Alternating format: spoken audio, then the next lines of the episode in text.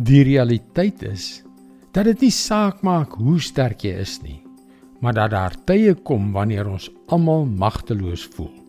Magteloos om die dinge in ons lewens te konfronteer en te hanteer en die bil by die horings te pak. Hallo, ek is Jockey Gouchee vir Bernie Diamond en welkom weer by Vars. Ek is seker jy het ook al gevoel dat jy net nie opgewasse is om 'n spesifieke uitdaging die hoof te bied of om 'n hindernis te oorbrug nie. En nou praat ons van iets daar buite, sowel as iets in jou gedagtes of emosies. En as jy slim is, sal jy bid en bid en bid. En ek weet jy het al gebid, maar daar het nog steeds niks gebeur nie. Nou ja, wat doen jy nou? Ek wil graag daardie vraag met 'n ander vraag beantwoord. Hoe bid jy wanneer jy bid? Ek bedoel, hoe groot is jou geloof wanneer jy die troon van genade nader? Jakobus 5 vers 16. Bely julle sondes eerlik teenoor mekaar en bid vir mekaar sodat julle gesond kan word. Die gebed van 'n gelowige het 'n kragtige uitwerking.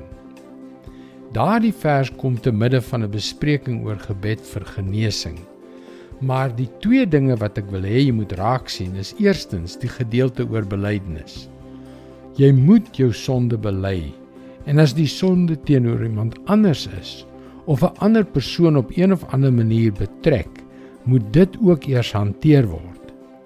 Hoekom? Omdat sonde baie dikwels die gewoonte het om God se verhoring van ons gebede te blokkeer. En die tweede is die feit dat wanneer ons vergewe, rein, suiwer en geregverdig voor God staan op grond van ons geloof in Jesus, dan het ons gebed 'n kragtige uitwerking. Glo jy dit? Jy behoort dit te glo want dit is waar. Verstaan my mooi. God sal nie altyd ons gebede op ons tyd en op die wyse wat ons dit verwag beantwoord nie. Maar wanneer jy bidtend lewe, sal jy ook 'n lewe vol krag ervaar. Dis sy woord vars vir jou vandag. Op jou geloofsreis is gebed die kern van jou verhouding met God. En die enigste soort gebed waarvan die Bybel ons leer is die soort wat kragtige resultate het. Ons sal baie graag saam met jou bid. Gaan gerus na powerfulprayer.org om jou gebedsversoek te deel. Luister môre weer na jou gunstelingstasie vir nog 'n vars boodskap.